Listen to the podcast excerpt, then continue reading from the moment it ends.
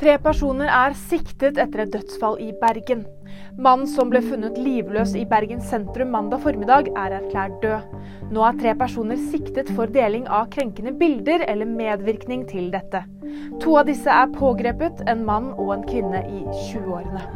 I underkant av 60 norske borgere er fortsatt i Gaza. Over 200 norske borgere og personer med nær tilknytning til Norge har kommet seg ut av Gaza siden onsdag.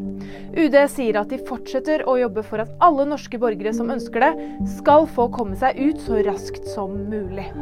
Johannes Klæbo er friskmeldt etter covid-sykdom. Dermed er han klar for verdenscupåpningen i langrenn i finske Ruka. Vil du vite mer? Nyheter finner du alltid på VG.